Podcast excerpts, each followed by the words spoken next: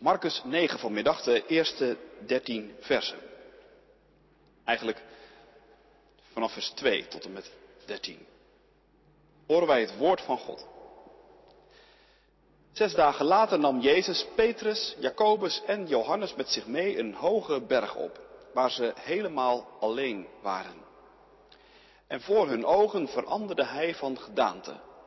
Zijn kleren gingen helder wit glanzen, zo wit als geen enkele wolwasser op aarde voor elkaar zou kunnen krijgen. Toen verscheen Elia aan hen, samen met Mozes. En zij spraken met Jezus.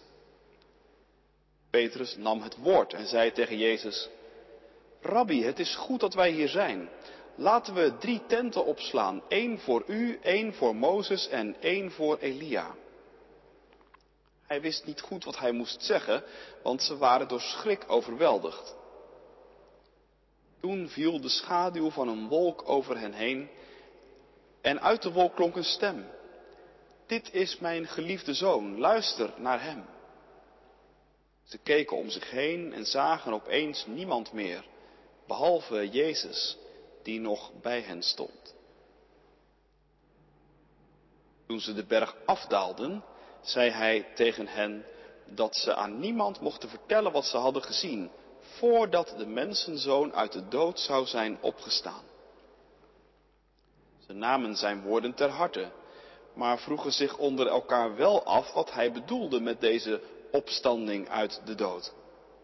En ze vroegen hem, waarom zeggen de schriftgeleerden dat Elia eerst moet komen? Hij antwoordde, Elia komt inderdaad eerst en herstelt alles. Maar over de mensenzoon staat toch geschreven dat hij veel moet lijden en met verachting behandeld zal worden? Ik zeg jullie, Elia is al gekomen en ze hebben met hem gedaan wat ze wilden, zoals over hem geschreven staat. Tot zover de lezing. Dit is vanmiddag het woord van God. Voor jou, voor u, voor mij. Gelukkig zijn we als we het woord van God horen. Dat bewaren in ons hart en daaruit leven. Halleluja. Amen. Het genadejaar 1654. Maandag 23 november. Vanaf ongeveer half elf s'avonds tot ongeveer half één s'nachts. Vuur. God van Abraham, God van Isaac, God van Jacob. Niet de God van filosofen en geleerden. Zekerheid. Zekerheid, gevoel, vreugde, vrede. God van Jezus Christus. Lieve broeders en zusters, misschien herken je deze woorden als de woorden van de wereldberoemde natuurkundige en filosoof Blaise Pascal. En misschien weet je ook dat ze na zijn dood in zijn jas op een klein stukje perkament deze woorden vonden ingenaaid. Een kort, steno-achtig, haast stotterend verslag van een diepe, ingrijpende gebeurtenis die Pascal op 31-jarige leeftijd meemaakte. Of Pascal daar tijdens zijn leven met iemand over gesproken heeft, is zeer de vraag. Maar dat het een diep ingrijpend moment geweest moet zijn, dat hij ook koesterde, dat is wel duidelijk. Diep ingrijpend en eenmalig. 23 november 1654 van half elf s avonds tot half één s'nachts. Veel preciezer kun je het niet krijgen. En wie dit soort dingen aan de lopende band meemaakt, die hoeft het er niet bij te vermelden.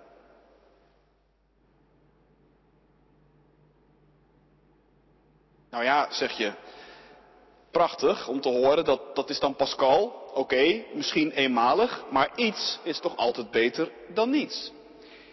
Ik heb zo'n ervaring nog nooit gehad. En als ik even zo wat rondkijk in mijn omgeving, de meeste mensen niet. Of ze nou gelovig zijn of niet. Misschien heb je wel een oma die er al 80 jaar op wacht op zo'n mystieke ervaring. Maar ondertussen gebeurt er niks. En vraagt ze zich, en jij misschien met haar, in vertwijfeling af of God ooit nog wel naar haar zal omzien. Als nou eens iets meer mensen zo'n Pascal-ervaring zouden hebben, zou dat niet enorm helpen? Ja, dat zou je natuurlijk kunnen denken. Zeker als je Marcus 9 er vanmiddag naast legt. Dat indrukwekkende verslag van die diepe, mystieke ervaring die Petrus, Jacobus en Johannes meemaken op de berg van de verheerlijking. Een ervaring van ongekende nabijheid van God. Een glans en een glorie die alles doortrekt, alles aanraakt, alles doopt in hemels licht. Een hemel op aarde, zou je kunnen zeggen. Maar dat roept natuurlijk ook de vraag op waarom zo'n verhaal überhaupt in de Bijbel staat. Als er nou maar weinig mensen zijn die iets dergelijks meemaken, is het dan eigenlijk niet ook een beetje een heel naar verhaal? Een soort tanteleskwelling. Er wordt je iets moois voorgeschoteld, maar in feite is het onbereikbaar. En op het moment dat je er naar reikt, is het weg. Op het moment supreme, je doet een greep, wordt het telkens net voor je neus weggetrokken. Nou, eerlijk gezegd kan ik me niet voorstellen dat dat de bedoeling is van dit gebeuren. Misschien moeten we ook niet zo heel erg gefocust zijn op mystieke, bijzondere ervaringen. Want voor je het weet wordt het verlangen daarnaar ook weer een soort afgod op zich. Het gaat in dit gebeuren dan ook niet om een mystieke ervaring op zichzelf, die hooguit bereikbaar is voor een soort bevoorrechte enkeling. Nee, het gaat in dit gedeelte om het evangelie. Het zit vol met goed nieuws dat God ons vandaag wil verkondigen. Goed nieuws. Evangelie dus. Dit Bijbelgedeelte zit werkelijk helemaal vol met lange lijnen, dwarsverbanden en kruisbestuivingen naar allerlei andere passages in de schrift. Zoveel dat ik er vanmiddag eigenlijk maar een paar kan aanstippen. Allemaal dingen die God ons leren wil, waar Hij onze ogen vanmiddag voor opent. En nogmaals, niet de ogen van enkelingen dus, van een select gezelschap van ingewijden. Nee, de ogen van ons allemaal vanmiddag. Iemand schreef ooit, Bijbelse mystiek is in feite broodnuchter.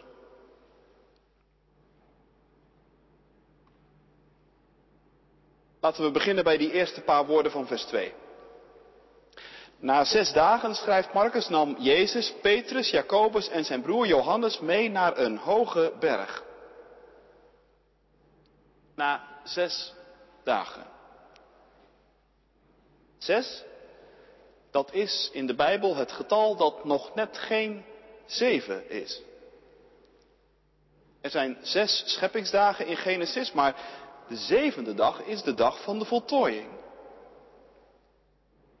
Er zitten zes werkdagen in een week, maar de zevende dag, als je alles even mag loslaten, als je tot rust mag komen, als je hier kunt zitten, als je verbonden kunt zijn met deze plek, dan, ja, dan kom je tot je bestemming. Nou, zover is het hier dus blijkbaar nog niet.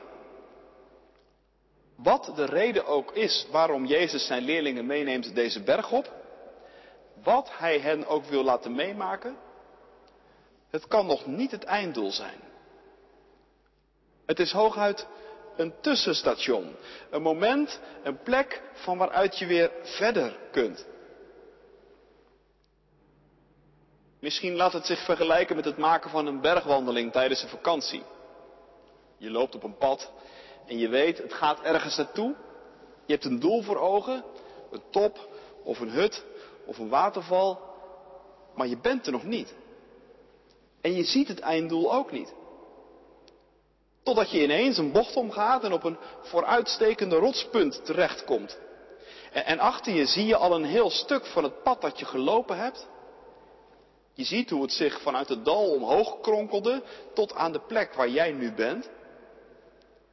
Maar je ziet ook dat de plek waar je nu bent het einddoel nog niet is. Dat ligt nog weer verder en nog weer hoger. Maar voor je ogen zie je wel hoe het pad zich ontrolt. Langzaam in de richting van het doel. Ik denk, zo'n punt, zo'n moment in het evangelie is ook dit. Dit gedeelte op de berg van de verheerlijking. De leerlingen zien Jezus voor hun ogen van gedaante veranderen. Hij krijgt goddelijke glans. Zon, licht, vuur. Alsof het licht van de hemel als het ware even breekt door het aardse lichaam van Jezus heen.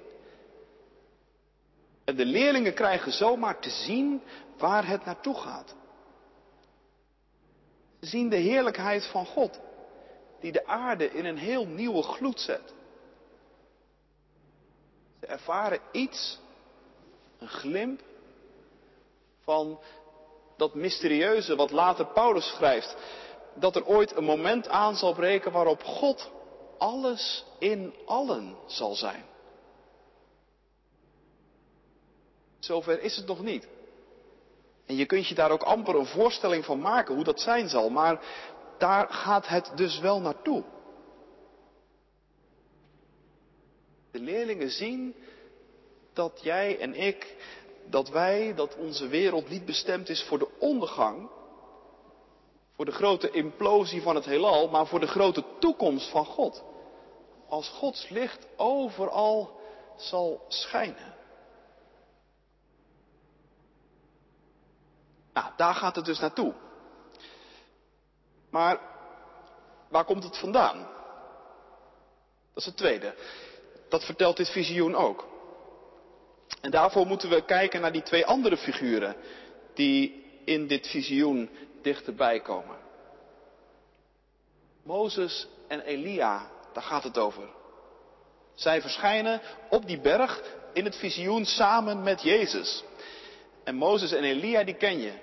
De twee giganten uit de tijd van het Oude Testament.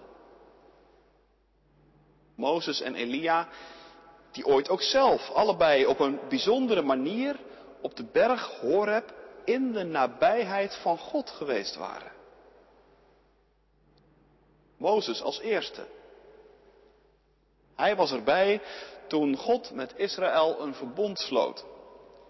Hij ontving op die berg de tien geboden.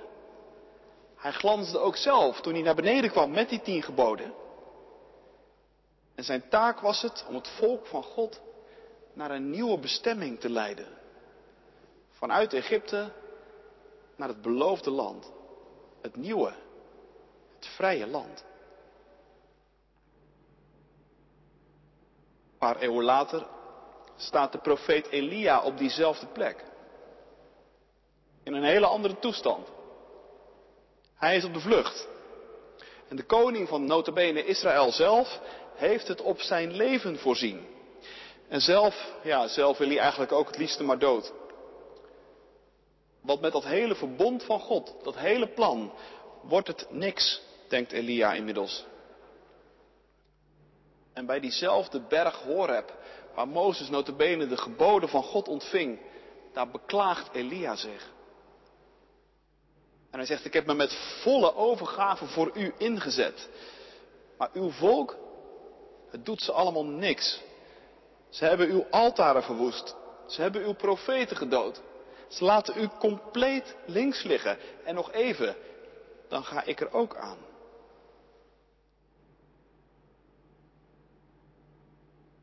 Mozes en Elia dus. Twee giganten uit het Oude Testament, maar allebei met een heel eigen verhaal. De een 40 jaar in de woestijn gezworven, de ander 40 dagen. En allebei van tijd tot tijd op het randje van een zenuwinzinking. Want deze mannen weten allebei heel goed ongelooflijk ingewikkeld het huwelijk tussen God en de mensen in elkaar zit. En ze weten ook wel een beetje dat ze zelf niet minder complex in elkaar zitten. Mozes en Elia. Ze staan model voor de lange, lange, lange weg van de geschiedenis van God met de mensen. Een weg die op heel wat momentjes aan een zijde draad hing, maar die, God zij dank, nooit geknapt is.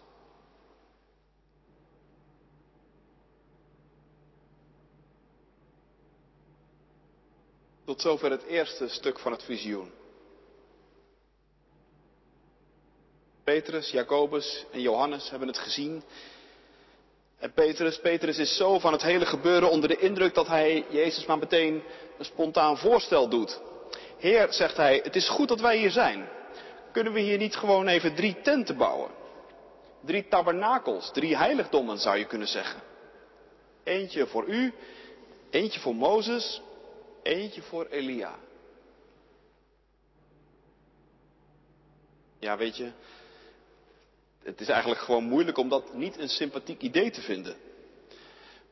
Maar, toch laat Jezus het niet gebeuren. Waarom niet? Vaak wordt gezegd omdat het niet zo goed is om zo'n moment te willen vasthouden. Is wel heel begrijpelijk, maar het is niet zo verstandig om goede momenten te willen fixeren. Misschien herken je dat. Daar zit zeker wat in. Maar er is nog iets. Petrus wil drie tenten bouwen. Drie dezelfde tenten, zo lijkt het. Voor Mozes, voor Elia en voor Jezus. En daar gaat toch ergens de suggestie van uit dat Jezus, Mozes en Elia alle drie op hetzelfde niveau staan en dat er eigenlijk geen verschil is. Maar dat is nu net een vergissing. Want in dit visioen gaat het er nu juist om dat er wel verschil is. Jezus glanst. Mozes en Elia niet op die manier. Mozes en Elia vertolkten het woord van God. Maar nu is er iets anders gebeurd. In Jezus is God zelf gekomen. Jezus is zelf het woord van God. Mozes en Elia staan symbool voor het recht en de waarheid. Voor de wet en voor de profetie. Maar Jezus, Jezus is gekomen om ze te vervullen.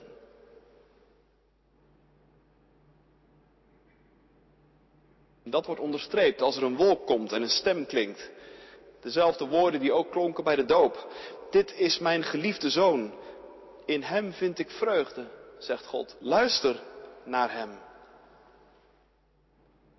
Zoiets is nooit gezegd tegen Mozes. Zoiets is ook nooit gezegd tegen Elia.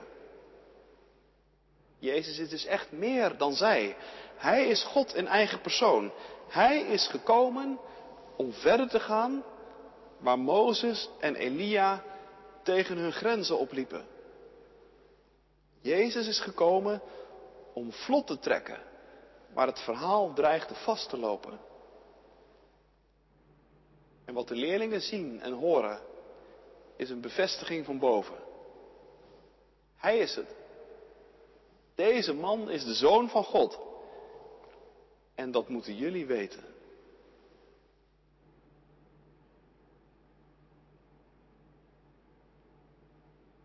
Nou, die leerlingen weten natuurlijk even niet hoe ze het hebben daar. Eerst dat wonderlijke visioen, nu die stem. In het Matthäus-evangelie kun je lezen dat ze uit angst over de grond kruipen en dat ze hun gezicht in hun handen verbergen. Wat moeten ze? Ja, wat moeten ze? Matthäus vertelt ook dat ze een hand op hun schouder krijgen en dat ze een stem horen die zegt vrees niet. Marcus laat dat weg. Bij Marcus ben je meteen weer terug op aarde, om het even zo te zeggen. Want als ze hun ogen open doen, dan is alles ineens weer gewoon. Alleen Jezus is er nog maar. En hij ziet er weer helemaal uit zoals ze hem kenden.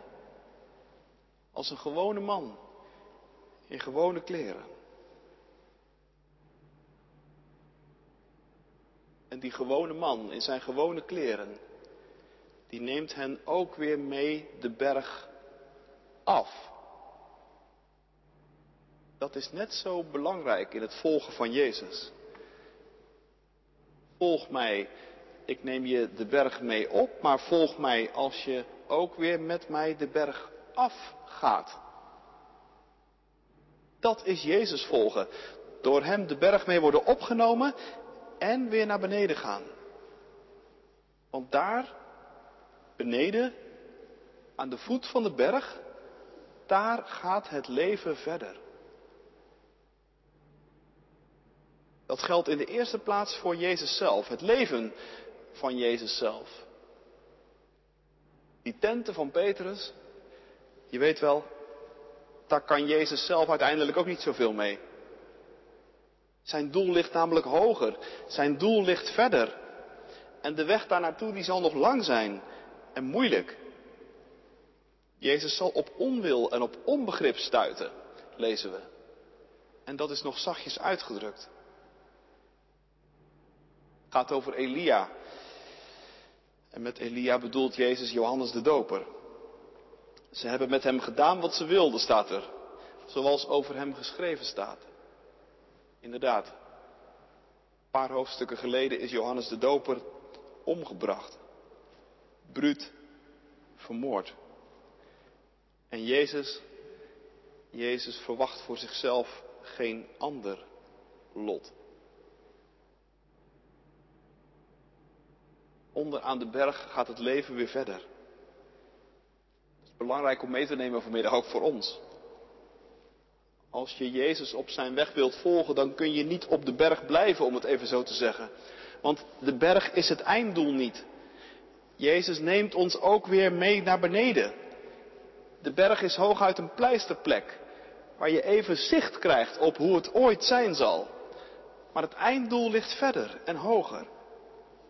Koninkrijk van God. God alles in allen. Maar de weg daar naartoe, die kan ook voor jou, voor mij, voor ons best wel eens lang en complex zijn. En, en wat staat je dan te doen? Nou, ik zou zeggen dat je je dus niet moet fixeren op bijzondere ervaringen. En dat je je ook niet krampachtig moet willen vasthouden aan wat je ooit misschien met God hebt meegemaakt. Of je even krampachtig uitstrekken naar iets wat je nog niet hebt meegemaakt. En wat misschien ook wel nooit gaat komen. Jezus volgen is iets heel anders. Jezus volgen is veel aardser en veel nuchterder. Het is ook Hem volgen op de weg naar beneden. De berg af en het onbekende tegemoet. Maakt het dan helemaal geen verschil dat je met Jezus op die berg geweest bent? Maakt het dan helemaal geen verschil dat je iets weet van dit visioen? Zeker wel. En dat zou ik graag tot slot nog even willen proberen heel praktisch te maken. Wat verandert er nou in je leven als je zo op die manier Jezus, door Jezus de berg opgenomen wordt en vervolgens weer mee naar beneden gaat? Dat zou bijvoorbeeld wel eens een keer een verschil kunnen gaan betekenen voor de manier waarop je bidt. Laat ik dat uitleggen. Stel je voor. Komende week vraagt een vriendje om te bidden voor zijn vader die erg ziek is. Ik denk dat je het liefst zou bidden dat die betreffende persoon zou genezen. Gewoon een groot wonder. In één keer van ernstig ziek naar kerngezond. Zulke gebeden worden ook gebeden. En er zijn zelfs christenen die menen dat deze vorm van bidden eigenlijk de enige echte, legitieme vorm van bidden is. Maar eerlijk gezegd, eerlijk gezegd bid ik niet zo vaak zo'n gebed. Niet omdat ik niet geloof dat God zoiets niet zou kunnen doen, zeker niet. Maar misschien wel omdat ik door ervaring weet dat het ook niet zo heel vaak op deze manier gebeurt. En daarom kies ik vaak maar voor de veilige route, eerlijk gezegd. En bid ik om kracht, om het dragen van de ziekte. Kracht van Jezus die onze pijn gedragen heeft. En ik bid om ondersteuning in de vorm van mensen om de zieken heen. Misschien herken je het dilemma. Nou wil ik deze vormen van gebed overigens geen van beide meteen afschrijven. Ze hebben allebei iets bijbels. Het eerste zou je een opstandingsgebed kunnen noemen. Het tweede zou je een kruisgebed kunnen noemen. Maar beide hebben ze ook iets eenzijdigs. De ene vorm, de eerste, die loopt te, te, snel het gevaar om te snel te willen en te veel te vragen voor nu. De andere vorm is misschien wel te traag en te lui en, en verwacht ook te weinig.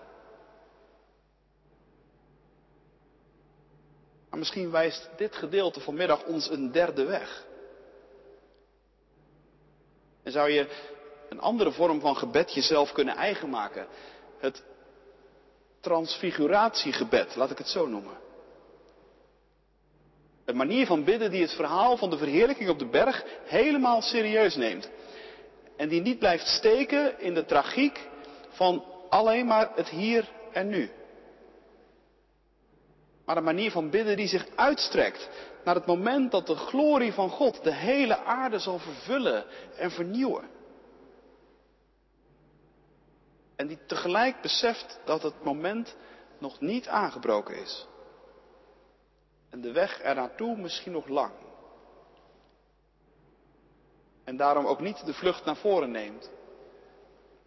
En met een grote boog over al het lijden, over al het verdriet en over alle vragen heen springt. Dat is het transfiguratiegebed.